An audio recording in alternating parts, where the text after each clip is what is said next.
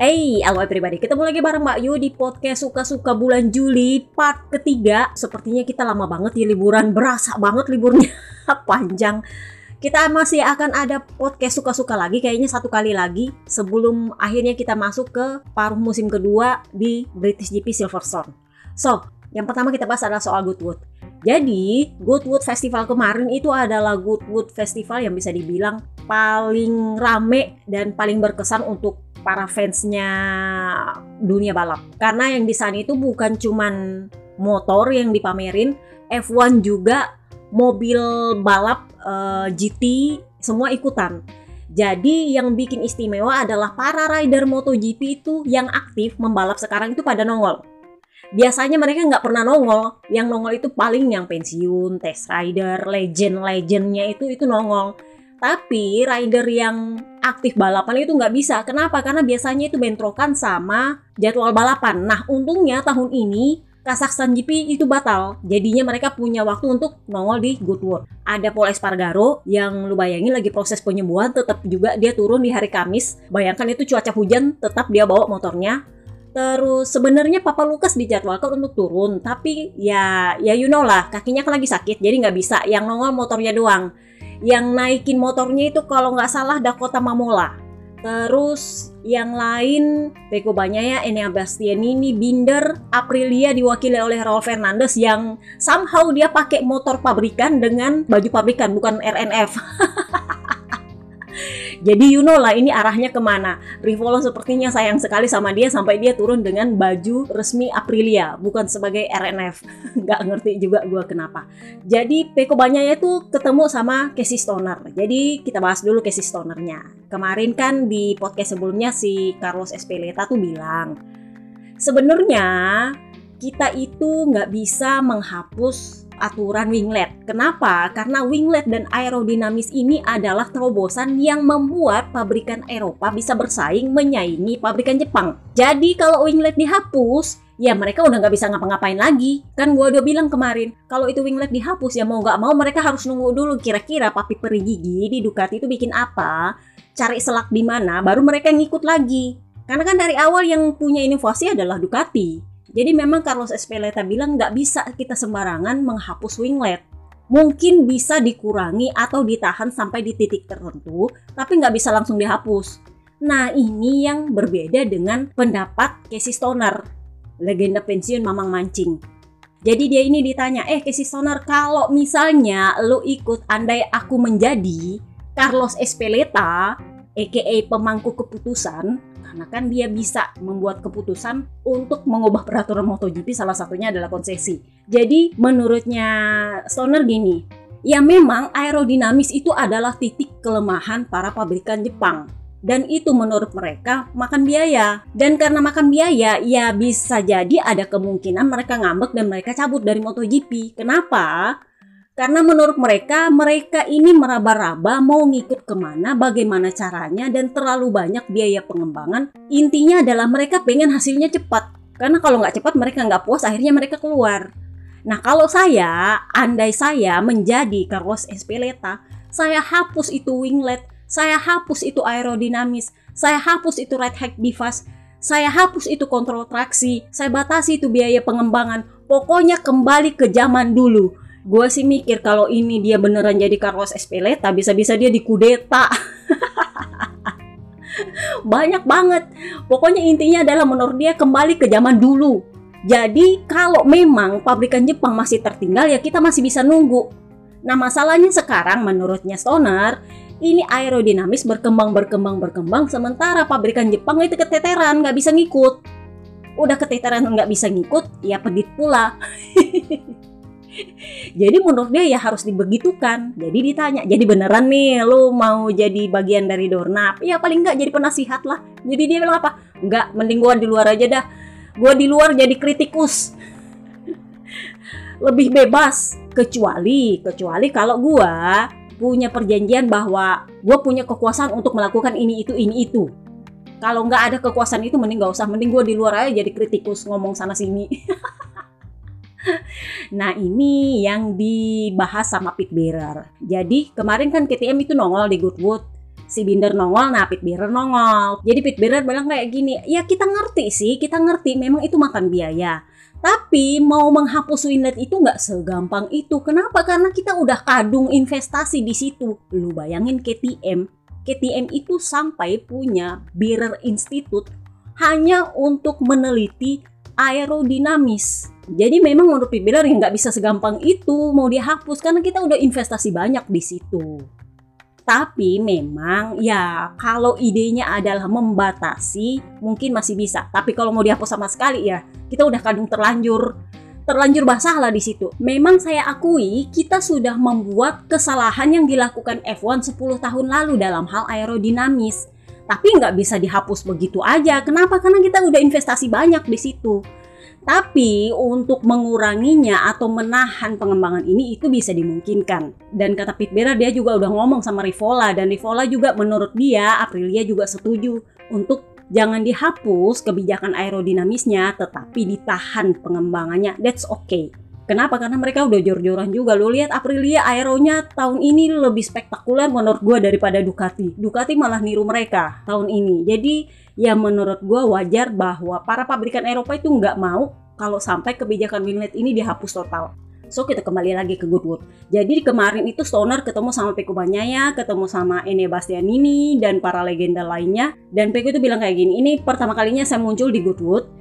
Dan saya rasa ini adalah festival yang paling menakjubkan untuk hidup dia. Kenapa? Karena dia pas lagi ngantri bareng motor-motor lain mau touring, lewat tuh mobil F1 kutuk-kutuk kutuk-kutuk kutuk di samping dia.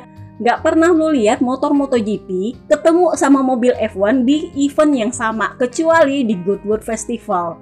Jadi memang di sana itu motor dari yang jadul banget sampai yang baru banget ketemu.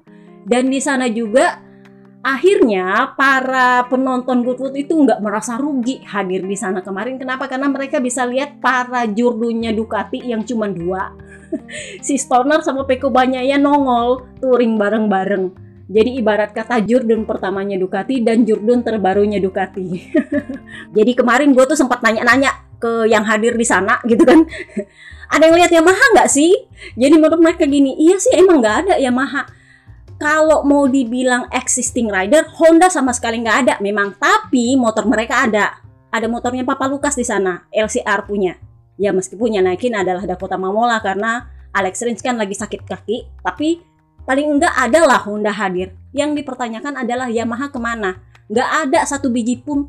Udahlah rider motor aja. Nggak ada. Jadi ya memang agak-agak gimana ya, agak-agak jadi pertanyaan apakah memang ngambeknya beneran ngambek apa menurut mereka memang festival GoToWood ini nggak penting-penting amat. Itu sempat jadi pembicaraan sih di antara para fans yang nongol di sana. jadi menurut para fans ya udahlah ya kalau emang nggak mau ya nggak apa-apa. Toh yang lainnya udah nongol, Aprilia nongol, KTM nongol, Ducati nongolnya banyak, Honda juga nongol, LCR paling enggak jadi ya ya udahlah kalau Yamaha nggak mau nongol nggak apa-apa. nah di Goodwood Festival itu kemarin juga muncullah pembicaraan sepoi sepoi sepoi bahwa kemungkinan KTM itu lagi merayu-rayu LCR Honda. Kenapa? Karena memang kan mereka mau tarik RNF nggak bisa, masih ada kontrak. Kemudian tarik Grace ini Ducati udah terlanjur melapor di MSMA Asen bahwa mereka akan turun 8 rider, 8 motor otomatis Grace ini sudah termasuk dalam hitungan mereka. Jadi yang mereka bujuk-bujuk sekarang adalah LCR. Nah kebetulan LCR nongol tuh di Goodwood. Ternyata itu nggak dibantah oleh Stefan Pirer, bos besarnya grup KTM. Jadi Stefan Pirer bilang kayak gini, yang kami mau pastikan adalah Pedro Acosta akan mengendarai motor KTM tahun depan. Itu yang pertama. Yang kedua, tim pabrikan itu nggak bisa diganggu gugat. Jack Miller sama Brad Binder itu masih jalan kontraknya nggak bisa diganggu gugat. Sementara Paul Espargaro itu masih ada kontrak dengan kami. Dan saya sendiri tidak merasa yakin bahwa performanya akan memburuk bila dia kembali turun trek.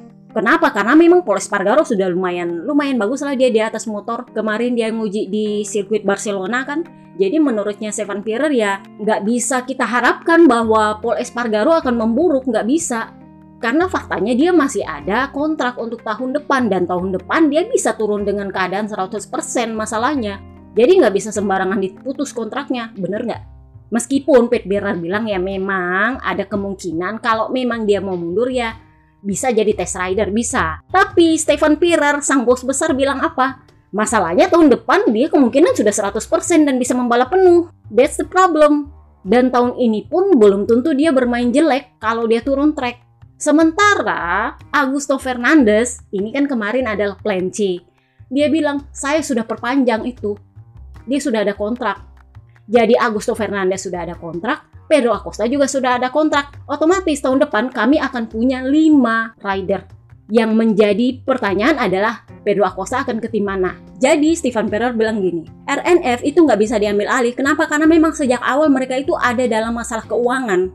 Dan memang kondisinya adalah Aprilia itu mensubsidi mereka besar-besaran. Sorry itu saya, gue harus jujur karena ini Stefan Perrer yang bilang. Itu disubsidi besar-besaran oleh Aprilia Sementara Grace ini itu sebenarnya maunya masuk di Aprilia, tapi menurut mereka Ducati lebih baik dan faktanya seperti itu. Jadi ya kita sedang mencari tim satelit lain, jadi yang tersisa cuma LCR. Tapi yang pasti, Stefan Pirer yakin bahwa Pedro Acosta akan punya tim tahun depan. Nah ini yang menjadi pertanyaan, kenapa? Karena LCR itu juga masih ada kontrak tahun depan dengan Honda. Nah, ditanyalah sama Lucio Cesinello. Jadi Cesinello bilang gini, gini-gini, saya mau jujur sama kalian. 10 hari lalu itu memang Francisco Guidotti itu nelpon saya. Ya dia nelpon juga layaknya teman, biasa-biasa aja nanya gimana, apa kabar, gitu-gitu deh. Lalu dia bilang, kami ini sedang memikirkan gimana caranya membuat pergerakan untuk masa depan kami. Jadi kami memang berencana untuk membuat tim satelit yang bisa ditempati oleh Pedro Acosta. Jadi dia tanya gimana menurut pendapat saya. Jadi saya bilang gini, oh kalau saya sih tim saya masih ada kontrak sampai tahun depan sama Honda. Ya udah gitu aja dia nelpon selesai. Jadi nggak ada kesepakatan apa pun. Jadi kalau kalian mau bilang saya mau pindah ke KTM, saya sendiri juga ragu. Kenapa? Karena saya sudah membalap bersama Honda itu sudah 18 tahun. Dan selama 18 tahun, itu hubungan saya sama Honda bukan cuma hubungan profesional tapi juga antar pribadi. Jadi saya sendiri juga ragu saya akan meninggalkan Honda karena saya merasa saya sendiri adalah orangnya Honda. Jadi dia memberi sinyal bahwa even kontraknya berakhir dengan Honda, dia malah niat perpanjang dengan Honda. Kalau Honda masih eksis, eh. ya iyalah, doain aja masih eksis. Kurang lebihnya sih seperti itu. Jadi, pertanyaannya siapa yang akan dicaplok oleh KTM? Karena udah nggak bisa nambah kursi satu lagi, kecuali udah benar yang dibilang sama ngintiles di blogger, beli seat dari tim lain satu dari tim satelit lain. Nah masalahnya kan LCR kemarin emang cuma satu seat, makanya mereka goda-goda LCR. Karena kan satu seat lagi kan punya Idemitsu, makanya mereka lebih potensial untuk diambil daripada Grace ini yang punya dua rider. Jadi ngerti kan? Jadi udah nggak bisa nambah seat, harus ambil satu, harus ada satu yang dikorbankan. RNF jelas nggak bisa. Itu Aprilia udah subsidi full di situ katanya. Grace ini bisa, cuman masalahnya mereka dua seat, nggak bisa dilepas satu. Karena itu udah kesepakatan sama Ducati dan Ducati udah melapor mereka akan turun 8 motor tahun depan. Yang bisa dikorek ini cuman Honda. Nah masalahnya adalah Cesinello kagak mau. Ah, tapi ya kita lihatlah nanti. Mungkin di Silverstone nanti perubahan terjadi. Kenapa gue bilang mungkin perubahan terjadi? Karena LCR itu dipastikan tahun depan nggak punya rider. Jadi Cesinello itu mengakui bahwa Alex Rins itu memang nggak akan bersama LCR lagi tahun depan. Jadi dia bilang Alex Rins itu itu punya kontrak 2 tahun sama HRC Honda. Jadi tahun ini sama tahun depan dia punya opsi untuk keluar asal ada tawaran dari tim pabrikan. Jadi pilihannya Alex Rin saat ini adalah dia naik ke tim pabrikan di Honda di mana bersama pabrikan ini dia sudah punya apa dibilangnya mulai punya ikatan yang bagus, sudah pernah menang di atas motor itu, sudah punya bayangan gimana harus bekerja, atau dia ke Yamaha yang tentunya punya lingkungan baru dan cara kerja yang berbeda. Dan itu artinya dia harus beradaptasi lagi dari nol. dan tentu saja kalau dia naik ke tim pabrikan ada kemungkinan dia akan menjadi rider pengembang. Kenapa? Karena di atas kertas dialah yang memberi kemenangan untuk Honda. Petinggi Jepang itu lebih ikhlas melepas Mir atau tuan putri mereka Mark Marcus daripada melepas Rins. Jadi Cesinolo bilang gini, ya kami akan merindukan Alex Rins. Dan nanti di Silverstone ya kami mulai akan mencari-cari lah siapa yang cocok untuk pengganti. Jadi untuk saat ini kita pakainya Iker Lekona untuk ya sambil nunggu Alex Rins pulih karena kita juga nggak tahu kapan dia bisa pulih. Pokoknya kita tunggu sampai akhir bulan untuk melihat kondisi dia. Dan setelah itu kita akan kasih ya waktu sedikit lebih lama untuk dia terbiasa dengan kakinya baru dia bisa turun track. Tapi yang jelas di Silverstone nanti Iker Lekona yang akan mengganti. Jadi Iker Lekona ini kan kemarin dia gantiin Mir pakai motor pabrikan dengan sasis pabrikan. Nah, nanti di Silverstone dia akan gantikan Alex Rins pakai motor pabrikan dengan sasis jadul. Jadi dia secara nggak langsung akan akan punya pembanding apa bedanya sasis pabrikan dengan sasis jadulnya Alex Rins yang bikin dia menang di Austin. Jadi menurut gua sebenarnya Iker Lecuona juga punya potensi untuk jadi ridernya Honda. Why not? Nah, pertanyaan lain adalah kalau Papa Lukas naik ke tim pabrikan seperti katanya Cesinello, kan kalau ke Yamaha secara otomatis dia akan mendapat Morbidelli karena Morbidelli kan habis kontraknya. Nah, pertanyaannya adalah kalau di Honda pabrikan siapa yang mau didepak? Nah, ini mengarah ke gosip baru. Gosip berhembus sepoi-sepoi, Jurun tadi anggap Yohan Mir itu mengetuk pintunya Ducati Gresini. Jadi memang kalau kalian dengar gue dari podcast-podcast sebelumnya kan gue udah bilang yang paling duluan gue dengar itu adalah Mir yang mau minta keluar dari Honda. Dia lagi cari celah. Cuman bedanya adalah Paco Sanchez pujuk-pujuk dia untuk bertahan dulu. Kenapa? Karena kontraknya kan 2 tahun, nggak bisa dipatah gitu aja, karena nggak ada opsi perpanjangan di situ. Sekaligus 2 tahun. Nah, mumpung Honda pengen cariin seat buat Papa Lukas, kesepakatan nih win-win solution dong bener? Kebetulan Mir pengen hengkang kebetulan Honda pengen nahan Papa Lukas. Bener? Jadinya ya udah nggak apa-apa lah Mir. Lu ketuk-ketuk pintu mana kayak terserah. Itu win-win solution. Dan memang Mir memang pengen keluar Nah masalahnya adalah dia nggak mau ke Yamaha. Kenapa? Karena Yamaha juga pabrikan Jepang dan sudah gue bilang head to head Honda memang lebih baik dari Yamaha sebenarnya head to head. Jadi ya wajar dia ngetuknya pintu Ducati Gresini. Nah ini lagi yang jadi pertanyaan. Udah gue bilang, Gresini itu seatnya kan sebenarnya dua. Dia itu adalah tim yang disubsidi oleh Ducati. Di Ducati itu tim yang sepenuhnya independen itu cuman tim Muni VR46. Yang lain itu masih disubsidi. Nah, Gresini itu adalah salah satu tim penerima subsidi. Nah, syaratnya untuk tim Gresini ini adalah satu seat itu adalah seat untuk rider pilihan tim. Satu seat lagi itu untuk rider pilihan pabrikan dan biasanya dikontrak langsung oleh pabrikan seperti Enia Bastianini kemarin kan karena Fabio Di Gian Antonio kan kemarin itu adalah rider pilihan tim satelitnya jadi Enia dikontrak sama Ducati, Di Gian Antonio dikontrak sama tim satelit. Nah, tahun lalu itu bikin manuver lah Nadia Gresini. Awalnya Papa Alice yang mau di itu seat yang ditinggalkan oleh Enia Bastianini karena itu kan adalah seatnya tim pabrikan. Papa Ali sendiri udah sowan ke Gigi Dalinya, ke Ciabati udah sowan. Eh, ujuk-ujuk pengumuman Alex Marquez. Jadi memang Papi Perigi itu kabarnya agak kurang suka sih. Kenapa? Karena dia bilang, yang dilapor ke kita itu adalah Papa Alis. Eh, nongol-nongolnya malah Alex Marquez. Cuman ya sudahlah, karena itu kan keputusannya tim satelit dan itu dikontrak oleh tim satelit. Jadi posisinya tahun ini adalah Gresini itu makan semua seat yang ada di tim. Jadi Alex Marquez itu pakai seat tim satelit, Fabio Di Antonio juga. Nah, ketika tim Grace ini tanda tangan perpanjangan dengan Ducati yang katanya bakal diumumin di Silverstone, itu salah satu klausul yang kembali ditegaskan oleh Ducati sebagai pabrikan adalah mereka minta kembali seatnya mereka. Jadi Di Gian Antonio itu hampir pasti akan diganti oleh rider pilihan pabrikan. Nggak bisa lagi dicampuri sama satelit.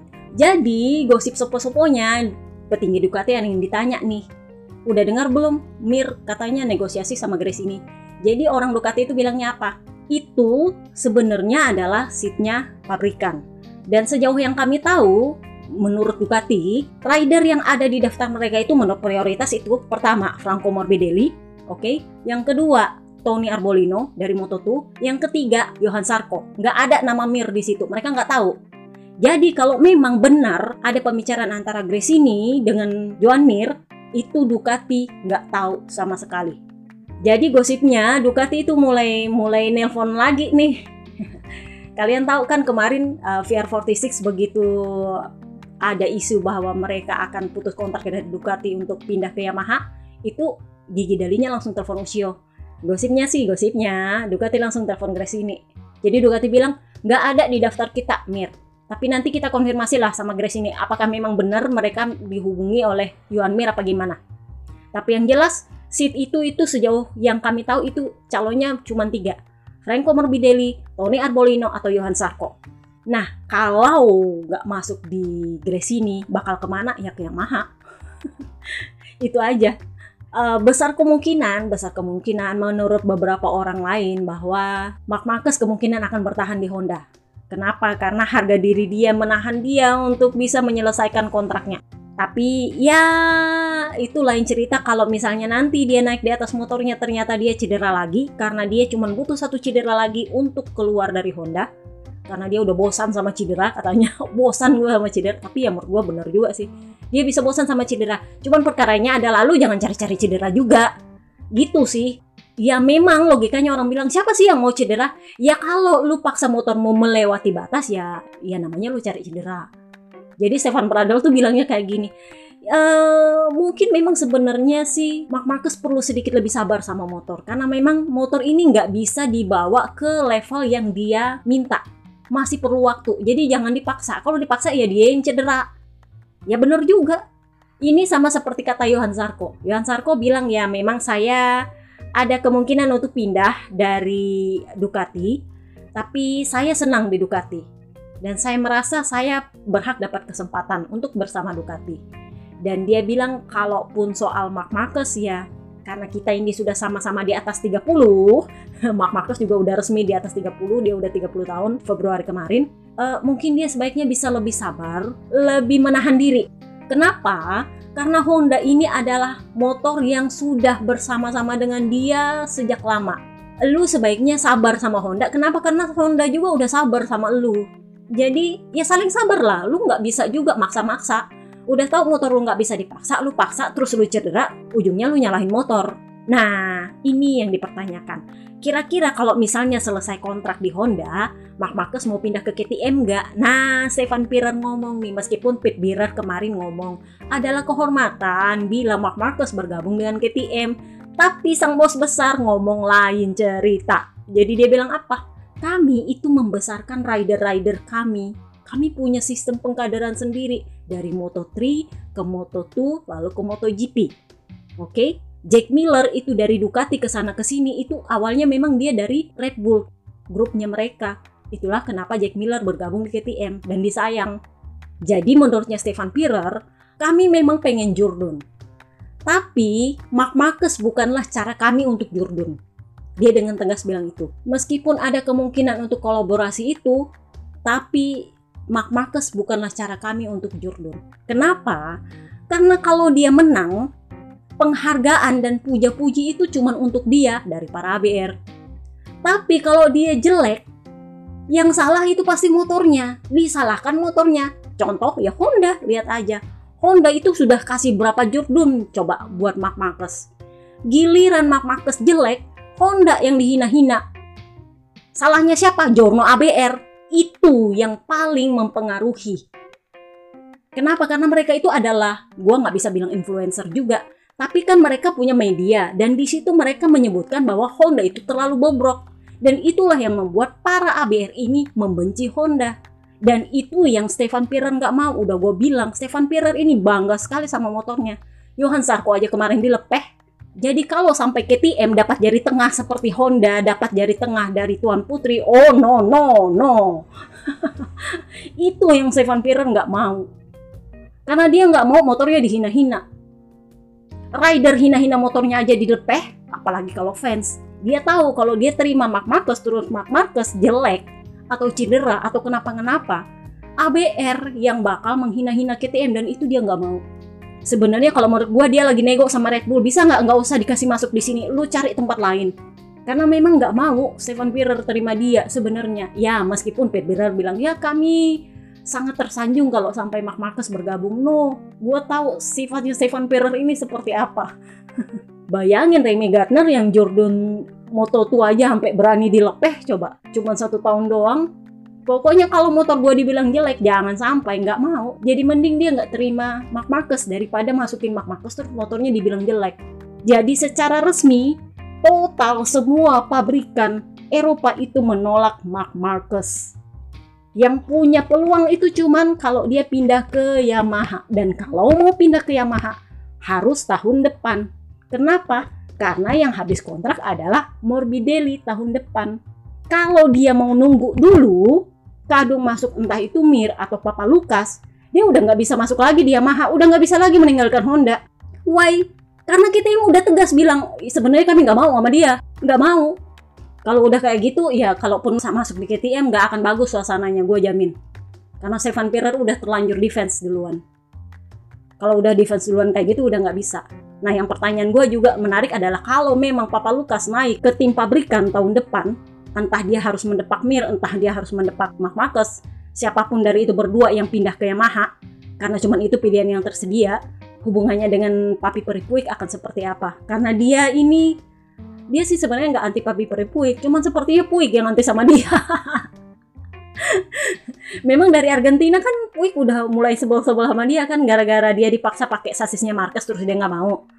Terus dia waktu di menang di Austin, dia sempat bilang, Puig lo lihat nggak gue menang?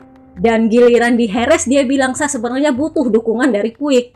Ujung-ujungnya sampai sekarang nggak pernah dedikasi itu sasis Kalex. Tapi ya menurut Nakagami sih memang itu sasis sasis gagal menurutnya Nakagami jadi dia bilang saya coba itu sasis Kalex nggak lama tapi feelingnya kayaknya lebih baik pakai sasisnya Honda deh daripada pakai itu sasis Kalex jadi beberapa jurnal bilang sepertinya sasis ini gagal sasis Kalex ini gagal dan gue kan udah bilang di podcast Asem kemarin gue udah bilang ini ori somehow cocoknya sama sasisnya Honda gak bisa sama sasis Kalex jadi memang Nakagami bilang sendiri, kayaknya lebih enakan sasis Honda deh daripada itu Kalex. Karena feelingnya agak beda. Uh, ban belakang justru lebih nggak kerasa sama sekali menurut dia. Jadi ya, kita lihatlah nanti akan seperti apa gonjang-ganjingnya. Morbidelli itu kemarin terakhir wawancaranya masih tetap stay cool. Jadi dia bilang ya seperti biasa saya tetap latihan sama anak-anak di range dan somehow saya masih berasa saya cepat dan saya menjalani kehidupan saya seperti biasa tanpa tekanan. Dia bilangnya sih seperti itu. Itu aja. Dia sama sekali nggak terlihat khawatir karena memang dia tahu masa depannya dia ke mana. Antara ke Ducati atau ke Yamaha WSBK dia tergoda untuk bisa membuktikan bahwa dia bisa cepat di MotoGP kan kemarin kan Bebe Vale udah wanti-wanti sama dia dia ini kan murid kesayangannya Bebe Vale lu tahu kemampuan lu. Kalau lu merasa lu lebih mampu di WSBK, silahkan lu ke WSBK. Kalau enggak, give it a try. Pindah ke Ducati. Dan Ducati memberi jaminan seat masalahnya. Ducati melakukan apa pun gimana caranya supaya VR46 lepas dari Yamaha. Karena menurut gua satu kali lagi Grace ini membelot, yang dilepas justru Grace ini. Karena VR46 di atas kertas prestasinya lebih bagus daripada Grace ini. Satu. Yang kedua, mereka itu tim independen yang nggak dibiayai apa pun sama pabrikan. Itu yang diapresiasi oleh Ducati. Makanya mereka pengen VR46 itu tetap sama mereka. Udah ridernya bagus, nggak perlu subsidi pula. Bener? Tapi kita lihat lah, siapa tahu ada yang dekat-dekat sama kepala tim kan justru tahu uh, Muni VR46 yang akan dipaksa ke Yamaha. Ya bisa jadi juga. Itu kalau kalau Morbidelli tertahan di Yamaha tapi Uchiho sepertinya cari cara gimana caranya supaya mereka bertahan di Ducati justru. so itu aja podcast kita kali ini. Selamat menempuh hidup baru dan selamat berbahagia untuk adik ipar Mbak Yu, Luca Marini dan Marta Vincenzi. Gua nggak ngerti bener nggak sih sebutan namanya. Pokoknya selamat berbahagia karena akhirnya mereka menikah kemarin dan itu seru banget. Seru banget dan menurut gua bule-bule itu menyenangkannya kalau versi bule menikah itu sederhana banget. Nggak sederhana juga sih. Sebenarnya mewah tapi nggak perlu undang orang satu kampung. Nggak perlu gedung yang wah wah wah wah enggak yang datang itu cuman yang dikenal keluarga saudara pokoknya orang yang emang dikenal jadinya memang romantis banget sih kalau menurut gue Pokoknya selamat berbahagia, semoga cepat dapat momongan. Oke, itu aja podcast kita kali ini. See you next time guys. Bye bye.